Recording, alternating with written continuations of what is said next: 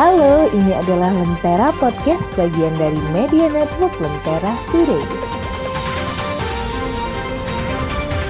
Stunting di Jatim masih tinggi. PKK Jatim gandeng BKKBN bikin sekolah untuk para orang tua balita.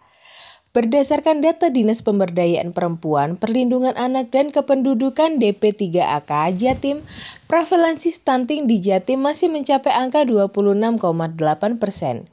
Ini menunjukkan masalah kesehatan yang cukup serius. Untuk menurunkan angka stunting harus ada kerjasama berbagai sektor terkait peran aktif dari masyarakat Jatim sendiri.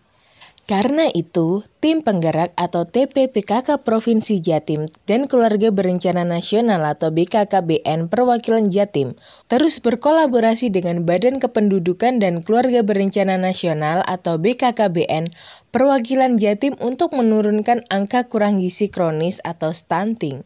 Bentuk kolaborasi yang dilakukan yakni melalui program sekolah bagi orang tua yang memiliki balita – Program ini bertujuan memberi pembekalan pada orang tua balita dalam merawat agar terhindar dari kasus stunting.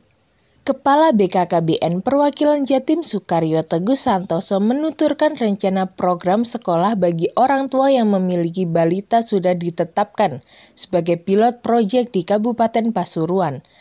Namun karena pandemi, masih sedikit agak terlambat dan ini akan ditindaklanjuti oleh TPPKK. Program ini dibuat agar orang tua mampu mengasuh anak mereka dengan benar.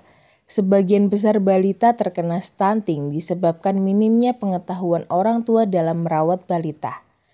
Tutur Ketua TPPKK Jatim Arumi Basin Emil Dardak. Lebih lanjut Teguh menjelaskan skema pembelajaran bagi orang tua dalam mengasuh balita diberikan secara tidak formal – akan tetapi menurutnya, sifatnya non-formal. Dengan adanya program ini, Teguh berharap angka stunting di Jatim menurun. Pasalnya secara presentase angka stunting di Jatim saat ini mencapai 26,8 persen. Semoga angka stunting menurun karena kalau melihat ritmenya hingga 2024 mungkin bisa turun sampai 14 persen. Demikian Lentera Podcast, update informasi Anda dengan mengakses www.lenteratoday.com.